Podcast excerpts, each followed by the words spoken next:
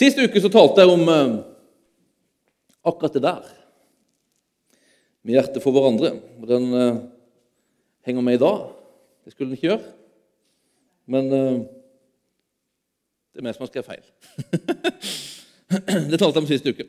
Med hjertet for hverandre. Jeg talte om at eh, det fremste beviset på at vi faktisk er disipler etterfølgere av Jesus, er at vi elsker hverandre. Det er hvordan hjertene til hverandre ser ut, som avgjør hvilken grad vi ligner Jesus.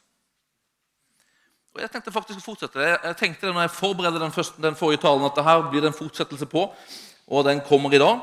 Og Tittelen min da er 'Med hjerte for verden'. Fordi at jeg tror at hvis vi skal ligne Jesus, så må vi ligne hans hjerte til verden. Ha hans hjerte til verden. Og nå er det jo jul. Og julas budskap er virkelig Guds hjerte til verden. Så her sier englene til hyrdene på marken Lovpriser dette, det som nå skal skje, det barn som nå skal fødes. Og så lovpriser det Gud og sier ære være Gud i det høyeste og fred på jorden blant mennesker. Gud har glede i, står det. Mennesker Guds, til Guds velbehag, står det i en annen oversettelse. Egentlig står det 'mennesker Gud synes om'. Mennesker Gud synes om. Gud synes om mennesker. Han har et hjerte for mennesker. Han har et hjerte for verden i den forstand at han har et hjerte for menneskeheten. Ikke at Gud liker alt som skjer i denne verden, men han liker menneskene som er i denne verden. Han elsker menneskeheten, og derfor kommer Jesus. Gud har et hjerte for menneskeheten. Og hvis vi skal ligne Han, så må vi ha et hjerte for verden. For mennesker der ute.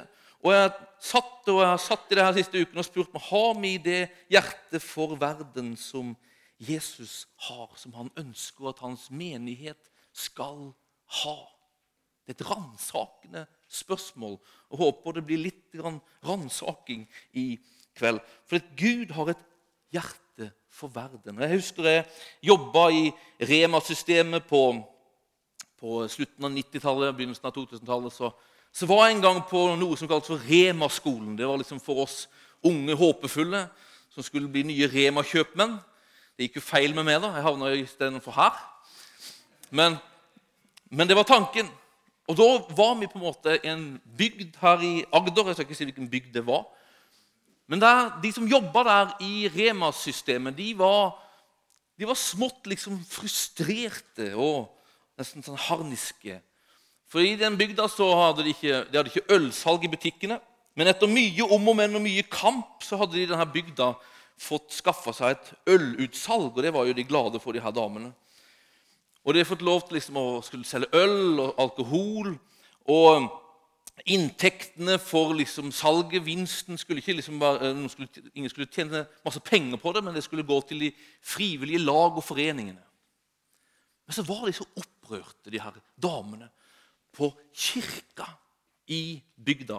Og Jeg vet ikke om kirka var en spesiell menighet, eller om det var generelt sett kristne, eller om det var noen få. Men de kalte det bare for kirka. For kirka hadde kjempa imot eh, med nebb og klør mot dette ølutsalget. Og de hadde på en måte vært der og oppført det. Liksom, de oppførte, de, liksom, de, de peker bare finger, sa de. Og som ikke det var nok, når de først hadde på en måte mot kirkas vilje fått det her ølutsalget, så sa de Da, sa de, da kommer kirka på banen. Og så skal de ha del av de pengene som kommer inn, på samme måte som de andre lag og foreningene. Hyklere! sa de. Det lyste på det, altså. Det var dommen over kirka i den bygda. Og det her er ikke noe sånn, Jeg tar ikke stilling til noe alkoholpolitikk eller om de kristne gjorde rett eller feil. Men det var på en måte inntrykket de her damene satt med når de tenkte på kirka i bygda. Det var de smalsynte, det var de, de kritiske, det var de som pekte finger. Det var ikke et sted der man kjente seg velkommen og invitert. Det var ikke et bilde av en kirke som kom mennesker i møte de menneskene som var utenfor Det var en bilde av en kirke som var imot. Var imot. Og vi er jo en kirke som er for noe. Er man for noe, så er man automatisk imot noe. Men jeg tror vi skal være en kirke som er kjent for å være for mennesker. Ikke mot mennesker. Jesus var det. Han var kjent for å være for mennesker, ikke mot mennesker. Det er derfor Gud sender Jesus til verden. Fordi han er for mennesker. Han sender ikke Jesus til verden for å vise at han er mot dem. Han sender, han sender Jesus til verden for å vise at han er for mennesker.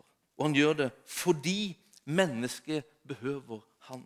Fordi mennesket har havna utenfor fellesskapet med han. Men han gjør det òg fordi de er sterkt ønska tilbake inn i fellesskapet og inn i varmen.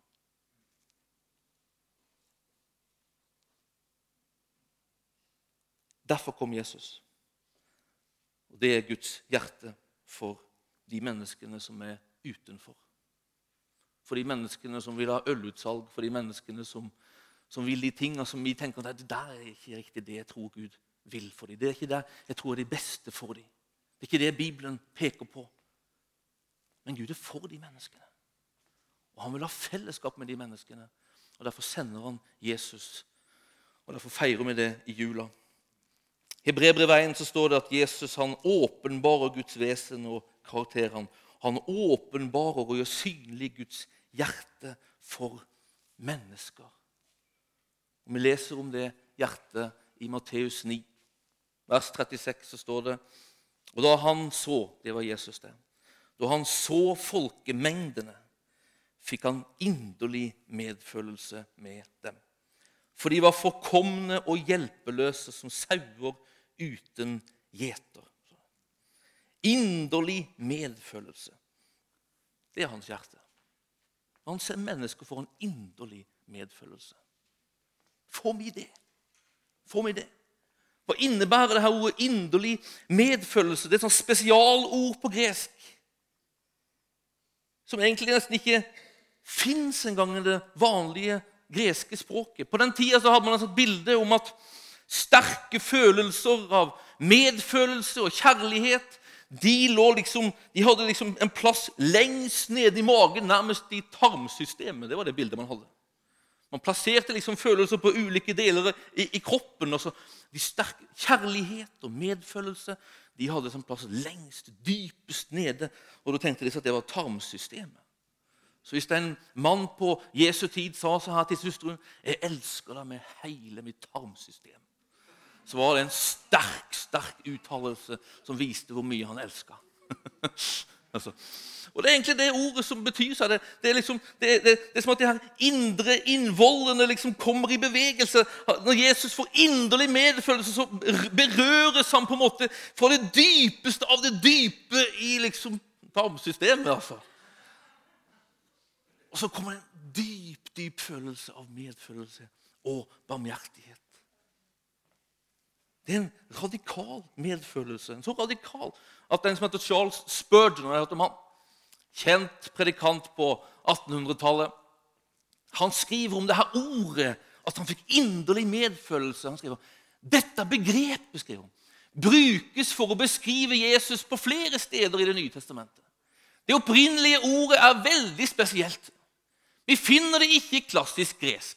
Vi finner det ikke i den greske oversettelsen av Det gamle testamentet.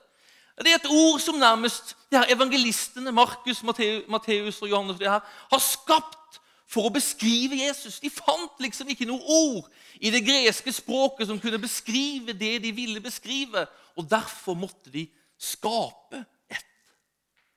Det er for å beskrive den dypeste følelse. En barmhjertighet som kommer fra det aller innerste hos et menneske. Nærmest fra en tarm som vrenger seg. Det de vil beskrive, tror jeg, er at når vår frelser så på, så, han så på visse ting, da så de som sto rundt ham, at han nærmest var skaka i sitt indre over det han så. Husk det.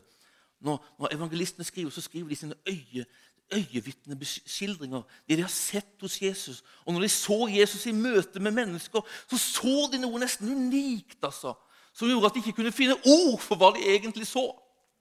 Han var skaka i sitt indre over det han så. Han hadde dype følelser, og ansiktet hans viste det. Tårene kom i øynene hans, og man kunne se at hjertet hans nærmest brast av medfølelse på den sorgen og mørket han så på. Han fikk inderlig medfølelse, og hele hans natur skaka av sympati med den lidelsen han så foran seg, sier Spurgeon, når han kommer i kontakt med det her begrepet som fins når det handler om Jesus i Det nye testamentet. Hans hjerte for verden. Er hans hjerte for verden. Hans hjerte for de som er utenfor fellesskapet med Gud. De som lider og, og, og lever i, i mørket. Jeg studerte i, i Ørebro. Så studerte jeg på en skole som heter Ørebro teologiske høgskole. Den lå fint plassert midt i en rundkjøring i Ørebro. Der er inngangen til en skole. Og Der hadde jeg en lærer som het Josef. Josef han var en gammel mann. Han var Han var På den tida var nok rundt pensjonsalder. Og han, eh, han var en sånn en inderlig mann, en utrolig fin mann. Han, han, hørte dårlig. Var helt avhengig av høreapparat, hørte utrolig dårlig. Og han, han, på en måte hadde slått seg til ro med det. Så han, han sa til utrolig fint Vet du hva? Det er ikke det fysiske øret som er viktig. Og jeg har kommet til det, sa han, at jeg tror at det at jeg hører dårlig på mitt fysiske øre, det skjerper mitt hjerteøre.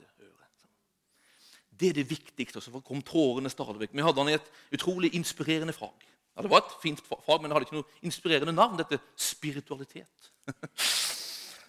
Så vi hadde han i spiritualitet, og han, han, han pratet om det her. Og så husker jeg en gang, jeg husker det som om det var i går. Han satt og foreleste i det her med spiritualitet, og så kom han inn på Lukas 12. og Der, eh, der uttrykker Jesus at han vedrop over fariseerne, den tidens religiøse ledere. Og De handla om at de var så opptatt med en ytre oppførsel hos folk. De var så opptatt av at plikter og regler skulle oppfylles. De var opptatt av egne posisjoner og folks anerkjennelse. Alt det der leser du om i kapittel 12 i Lukas evangeliet. Men i virkeligheten, sier Jesus der, så legger de byrder på folk uten å løfte en finger for å lette den for dem, sier Jesus. Jesu medfølelse bar alltid med seg en handling. Den fødte alltid en handling. Til slutt så kommer Josef, læreren vår, over, kom han til det verset som han egentlig ville komme til. Og Da kom, da kom tårene, og så leser han fra vers 52 til det som står der. Ved dere lovkyndige. Dere har tatt bort nøkkelen til kunnskapen. Selv gikk dere ikke inn, og dem som ville gå inn, har dere hindra. Og Da husker jeg så han opp på oss i klassen og så sa han, Har vi som kirke, som ledere, som kommende ledere, har vi hindra mennesker å komme inn til Han, nær til Han, der den virkelige kunnskapen kan fås? Er vi så opptatt av det som skal gjøres, det som først skal være oppfylt, at vi lar være å gå inn til Han. Og enda verre, sa han, er vi så opptatt av det som skal gjøres, av det som skal være oppfylt først, som hindrer mennesker rundt oss å komme til Han. Det var det som var Josefs spørsmål til oss. Er vi en kirke lik Jesus, eller er vi en kirke lik fariseerne og de lovkyndige? Er vårt fokus og vårt møte med mennesker med på å hjelpe mennesker nær Han som virkelig er livet? Eller stenger vi de ute med å komme med signaler om at det handler om andre ting? Andre ting som må på plass før døra til Han er åpen. Det var Jesu anklage mot de religiøse lederne. Men det han etterlyste Jesus, det var hjerter som var opptatt av det Gud var opptatt av mennesker. Det var en utrolig ransakende leksjon husker vi hadde med Josef. Og Jeg husker den fortsatt. Og Den kom foran meg liksom når jeg forberedte det her. Det er fortsatt en, en ransakende greie. Jesus han forteller lignelser i Lukas 15 som peker på det her hjertet for mennesker. Guds hjerte for det fortapte. Og Han gjør det i møte med de religiøse lederne og peker på noe for å vise at her fins det et skille. Det er som at han setter opp et speil for dem. For Hele denne liksom, lignelsen begynner med at de her religiøse lederne de ser at Jesus han, han, eh, han spiser med tollere og med syndere. Alle tollerne og synderne holdt seg nær til Jesus for å høre hans. Men fariseerne og de skriftlærde murra og sa seg mellom denne mannen tar imot syndere og spiser sammen med dem. For fariseerne og de religiøse lederne var tollerne og synderne var de som var utenfor. De var ureine, noe man ikke skulle ha fellesskap med, noe man skulle være i, i nærheten av, man, noe man distanserte seg fra, noe man forakta, noe man lukka hjertet for. Noe de var redd for. Men Jesus var annerledes. Han hadde noe som var annerledes som ikke skapte skillemurer, som ikke skapte distanse, men som inviterte inn på en sånn måte at alle tollerne og synderne ville høre ham. Ville være med ham, ville komme til ham. Han var fylt av kjærlighet, ikke frykt. Han inviterte, ikke satte stopp. Og Så forteller Jesus de her lignelsene for å peke på hvorfor han gjør det han gjør. For å peke på Guds hjerte for det fortapte, for det som er utenfor. For det som ikke er akseptert og godkjent i de religiøse ledernes syn. Forteller han tre lignelser. Og alle de lignelsene, I alle lignelsene så, så er det som at han forteller lignelser som de her lederne kjenner igjen. Fordi det fins lignende fortellinger i de sin liksom, tradisjon. Den første lignelsen handler om, om den fortapte sauen. Sauen som kom bort. Da fortalte han den, denne lignelsen. Dersom en av dere eier 100 sauer og mister en av dem, lar han ikke da de 99 være igjen ute i ødemarken, og leter han etter den, og, og leter etter den som er kommet bort, til han finner den. Når han har funnet den, blir han glad og legger den på skuldrene sine. Straks han kommer hjem, kaller han sammen venner og naboer og sier til dem.: Gled dere med meg, for jeg har funnet igjen den sauen som var kommet bort. Jeg sier dere, på samme måte blir det større glede i himmelen over én synder som vender om, enn over 99 rettferdige som ikke trenger omvendelse. Vet du hva? Noe av det her hadde de her lederne hørt før.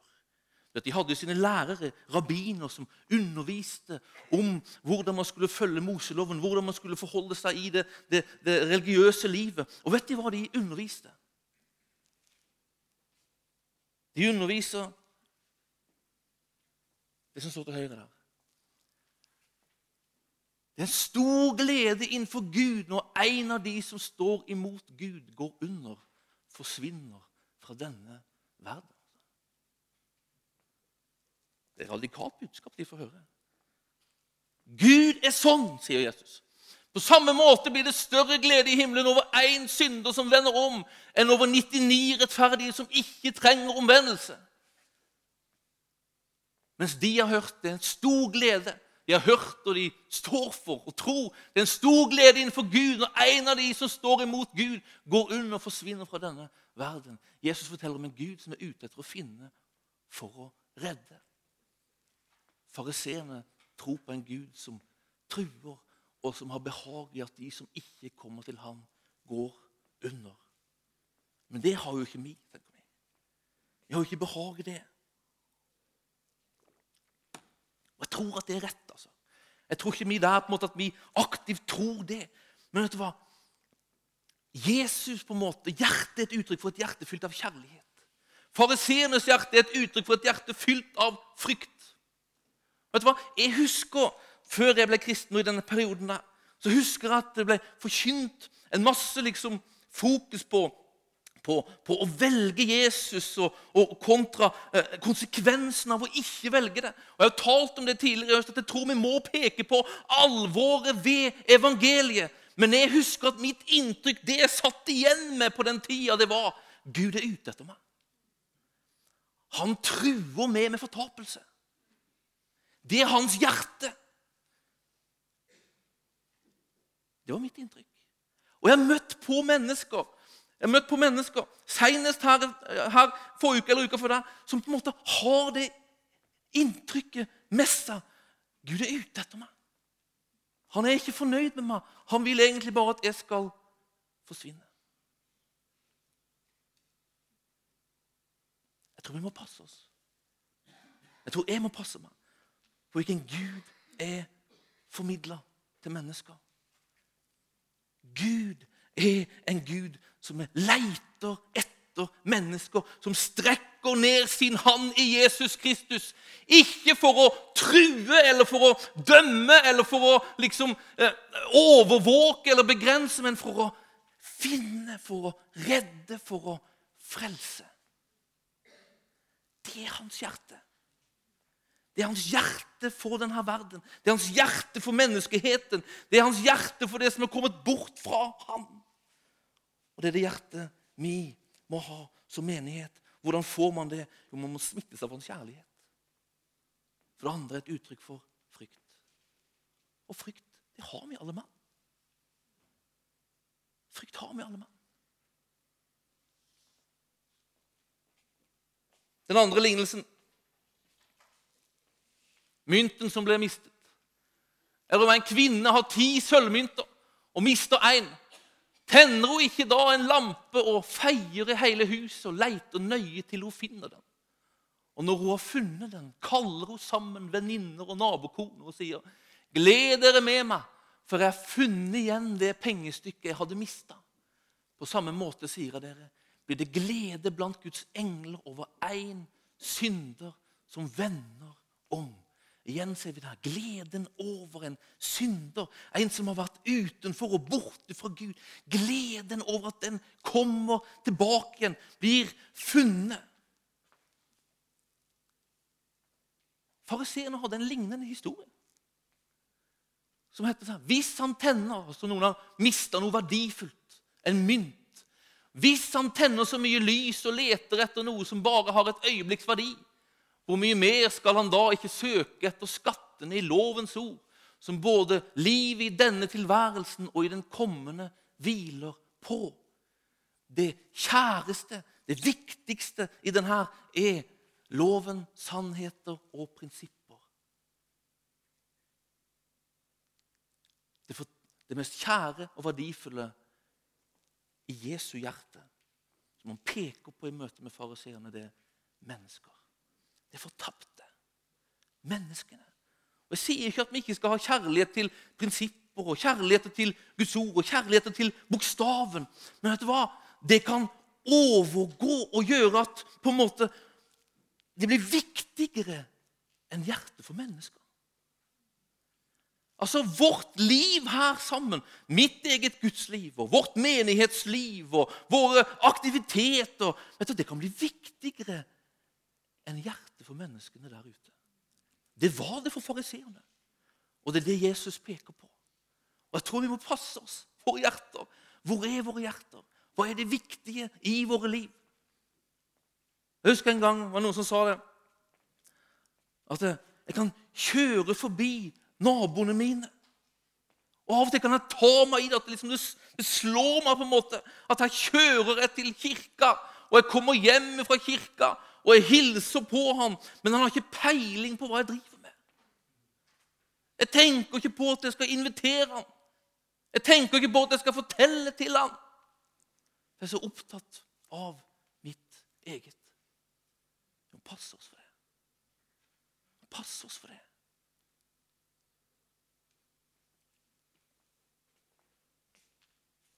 Man kan bli så opptatt og synes det er så viktig med prinsipper og lover at de setter skillemurer mellom oss og mennesker. Vet du hva det kan føre til? Jeg tror det òg kan føre til at sannhet kommer føre nåde. Sannheten er på en måte prinsippene, lovene, reglene. Den kan komme før nåden. Hva skjer når sannhet kommer før nåde? Jeg tror det bringer skam på mennesker. Når Jesus sier han, så kommer han for å Han kommer med, med nåde og sannhet. Med nåde og sannhet. Og Jeg tror vi ser i Jesu liv gang på gang på gang at det finnes en rekkefølge. Nåden kommer først. Av og til sier folk at vi skal ikke pakke inn sannheten sin. Vi skal bare fortelle den rett ut, ikke pakke inn ting. Og det er for så vidt rett, men jeg tror allikevel at det er feil. Vet du hva? Jeg tror nåden må pakkes, nei, sannheten må pakkes inn i nådens innpakningspapir. Altså. For når nåden kommer, så bringer det håp. Og vi er kalt til å bringe håp til mennesker, ikke skam på mennesker. Og at Når nåden kommer først, så tåler man å åpne sannheten og se den. For når nåden er der, så kan sannheten sette fri. Dette mennesket, Kjærligheten til mennesket må alltid komme før kjærligheten til prinsipper, regler, selv om det er henta ut fra Guds ord. Fordi forfatteren av Guds ord har et hjerte for mennesker. Og det ordet skal aldri gis til et menneske uten at hjertet er med. Det er først når hjertet er med, at det ordet formidles som Gud har tenkt at det skal formidles. Jeg hørte en predikant som sa en gang, så sa det utrolig bra. Han sa det å, Bibelen sa han, det kan være verdens farligste bok hvis du ikke kjenner forfatter. Og jeg tror det er veldig sant. Det kan slå så hardt i folks hoder at du kan ødelegge menneskers liv hvis du vil. Men hvis du kjenner forfatteren, har kommet i kontakt med hans hjerte og bærer det med deg ut når du kommer med sannhet, så kan sannheten sette mennesker fri.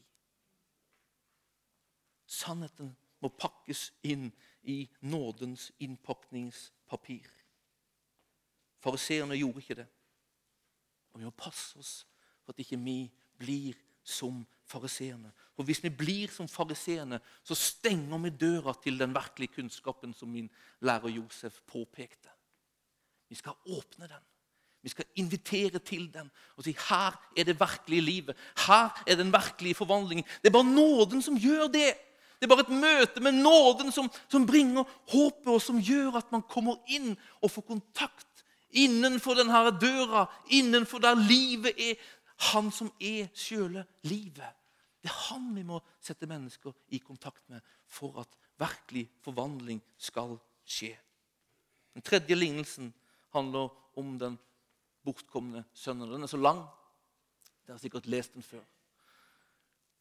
Den handler om en far som, som har to sønner. og Den yngste sønnen kommer og sier 'Jeg vil ha min arv'. Det han i virkeligheten sier, 'Jeg vil at du skal være død helst, for jeg vil ha arven min'. Det er, det er en sånn utrolig nedverdigende ting i den tradisjonen de lever i, den kulturen de lever i. Det er helt enkelt det er sånn uhørt. Det er likt med dødsstraff. Det, det sånn, man, man, gjør ikke det. Man skjemmer ut sin far når man gjør det.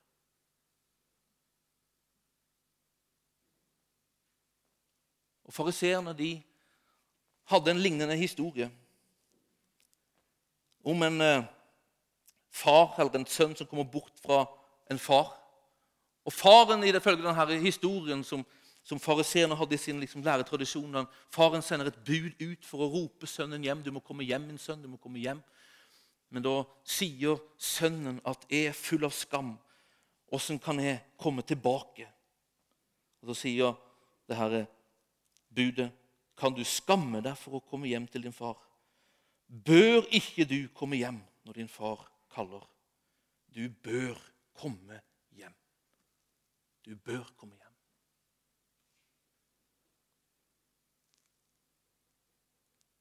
Det er som at faren og budet som faren sender, møter sønnens skam med å ytterligere legge skam på. Du burde komme. Kom. Men hva er historien Jesus forteller? Er det om en far som har blitt liksom gjort skam på, som står der og vil ha gjenopprettelse for, for liksom sønnens forferdelige oppførsel? Som krever at sønnen skal komme hjem ydmykende for å rette opp igjen litt av sitt eget rykte? Nei, det er en far som fortsetter å skjemme ut seg. Så, altså Det står om denne, denne faren. Når sønnen først kommer til seg sjøl, og egentlig så tror jeg Sønnens motiver er helt enkelt at nå har jeg det så dårlig at nå liksom skal jeg prøve å lure meg hjem for å få litt mat og få litt vel som, tjenere, eh, som, som min fars tjenere har. Det er ikke noe sånn her at han innser at han har ført skam på sin far. at det er derfor Han kommer. Nei, han er nesten fortsatt egoistisk. altså. Men han kommer til seg sjøl og, og, kommer hjem, og så, og så kommer han, og så, så leser vi denne faren. At han løfter opp kjortelen sin for å løpe sønnen i møte. At ingen mann av hans rang og i hans alder gjorde det. Det var å føre skam på seg å gjøre det. Så faren som har blitt ført skam på av sønnen, fortsetter å føre skam over seg sjøl i iveren, i lengselen etter å komme sønnen i møte, etter å få vel, omfavne han og velkomne han hjem. Det er Guds hjerte for mennesker. Fariseerne, den historien, sender ut et bud som bringer skam, og bruker på en måte skam som virkemiddel. Mens Jesu historie det er om et bud som bringer håp. Det er en pappa som kommer sjøl, springende med, med liksom, en sånn uhørt liksom, iver og lengsel etter å komme i møte. Jesus kom for å bringe håp. Han kom for å bringe frelse. Han kom for å være Guds utstrakte hand. For å søke, for å finne, for å bringe det fortapte hjem. Med et hjerte for det. Jeg tror vår kallelse som menighet det å ha et sånt hjerte for mennesker. Et sånt hjerte som ligner Jesu hjerte. Av en sånn dyp, dyp kjærlighet og medfølelse som kommer ifra dypest av våre tarmer. Altså. Det er det. Det ordet er så spesielt at det er bare Jesus som blir tilskrevet i Det nye testamentet. Og den medfølelsen den kjærligheten er så spesiell at det er bare han som har den og kan den. Skal vi ha den som menighet, er vi avhengig av å få del av den i kontakten og relasjonen vår med han. Men det er hans ønske, det er hans lengsel, det er hans vilje, det er hans kall på våre liv. At vi skal ha det hjertet for verden. Av og til så ser jeg på et sånt program Egil Svartdal har en sånn serie som heter 'Reisen hjem'. Har dere sett det? Og Jeg bruker av og til å gå inn og se på det. Liksom, man har tilgang til på nettet, kan se gamle episoder. og sånt der. Og Her i uka så jeg en episode med ei dame som heter Helene Rask. Tidligere glamourmodell. Som på en måte sto for alt det som på en måte kirka ikke står for. Som, eh, der fokus var liksom sex, utseende det var det ytlige og det falske. Det var plastikkoperasjoner, og det var jetsett-liv. Det var hele livet hos handla om det. Når Egil Svartdal intervjuer henne, så kommer det fram at hun fra liten har vokst opp med aftenbønn og med barnetro, men at i tenåra så havna hun i, på et barnehjem. Fikk et veldig behov for å bli sett. Og Alt det her endte med at hun ble forsidepike på herreblader og ble eier av et eget modellbyrå med fokus på eskortevirksomhet. Men midt i alt det der, etter en hel del år der hun har fått masse oppmerksomhet og fått penger og posisjon, så, så, så er det som at hun våkner opp sier hun, og innser at det hun har drevet med, det har ikke bare vært destruktivt og falskt for hennes egen del, men det har ført mengder av andre jenter inn på samme spor. Hun får en mail forteller hun, fra en tolvåring som kaller henne for sitt største idol, og som sier hun skal bruke konfirmasjonspengene på silikonpupper og sender bilder for å høre om, om hun er liksom fin nok for å komme inn i modellbyrået til, som hun driver hun Helene Rask. Og det, blir sånn, plutselig så innser hun at det her er tomt, falskt. Og egentlig stikk imot, sier hun, det jeg egentlig tror på og vil. Og Da er det som at hun nesten kommer, husker liksom aftenbønnen og den tida, og så folder hun sine hender, sier hun der, en kveld. Og så ber hun til Gud. Og så beskriver hun det som skjer med tårer i øynene. Og sier hun, da plutselig sier hun, da opplever jeg å bli sett for aller første gang, tror jeg. På ekte. Og sier jeg har aldri følt meg så naken noen gang, selv om det hadde jeg vært mange ganger. Og så får jeg høre og oppleve i det møtet der at jeg er god akkurat sånn som jeg er. At Gud han har et velbehag for mennesker. Mennesker behøver Jesus, mennesker behøver få tilgivelse, mennesker behøver bli frelst. alt det der. Men det fins i mennesket en verdi som Gud bare bejaker. Det er skapt i hans bilde. Det fins en verdi i det som gjør at Gud har et velbehag når han ser på mennesker. Lengter etter mennesker, vil ha fellesskap med mennesker. Og Der blir starten på noe nytt i Helene Rasks liv. Hun legger ned det her modellbyrået. Hun, hun utdanner seg, og, og hun begynner et nytt liv. Og så på slutten av, så har hun noen tatoveringer, og så begynner Egil Fartal å spørre om tatoveringene. Og så sier hun så, har du, har du noen flere tatoveringer enn, det, enn det, det, han ser her? Han sier ja. sier hun. Jeg har en tatovering langs hele ryggraden min. Og på den så, så står det Led meg ikke inn i fristelse, men frels meg fra det onde. Og den har jeg der, sier hun, for at det skal være selve ryggsøylen i livet mitt.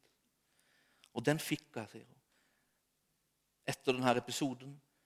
Og det var et budskap som kom til meg gjennom bønn og gjennom tro. sier hun. Jeg tror at det fins mange Helene Rask der ute som behøver et sånt møte med en Gud som ser. Men så er det ikke alle som har en aftenbønnstradisjon i ryggsøylen som, som plopper fram, og som man kan hente fram. Det fins mange der ute som ikke har det, og som behøver en menighet som kan komme dem i møte og vise på den plassen hos en Gud som vil ha med dem å gjøre, og som vil se dem. Er vi der som vi kan gi dem det? Eller møter vi folk i døra, som lærer Josef pekte på? Med visse kriterier, og visse ting som må pyntes på og komme på plass før vi er beredt på å slippe dem inn. Er det hva mennesker kjenner på når de tenker på Froland misjonskirke? Eller er kirka det naturlige sted å tenke på når man kommer til slutten av seg sjøl? Når ensomheten og tomheten banker på, når man innser at sannheten og livet ikke fins på den veien som de sjøl har lagt ut på. Jeg har mange ganger blitt utfordra av Martin Cave. Når jeg prater med Martin Cave, så blir jeg utrolig utfordra alltid. Og vi prater ofte om det her med å ta steg ut til mennesker.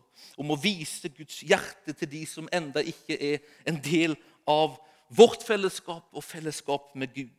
Og Han lever jo etter det her mottoet, Martin. Mennesker har ikke sagt nei til Jesus. De vet bare ikke åssen han ser ut. Og Hver gang nesten når vi prater om det her, og jeg prater med han om det, så stiller han meg det her spørsmålet. Vidar, våger du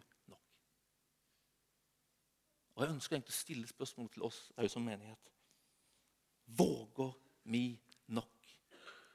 Eller er frykten med på å skape en større distanse til mennesker der ute enn den Jesus ønsker at hans menighet skal ha i Froland? Vi lar den henge. Og så håper jeg du vil ta den med deg hjem sammen med meg og la den få prosesse i oss for vi ønsker å være en menighet som er hans menighet. Vi ønsker å være en menighet som ligner vår frelser. Og vi ønsker å være en menighet som gjør han synlig blant mennesker. Og hans hjerte er utstrakt for denne verden. Og vårt hjerte og våre hender skal være det. Amen.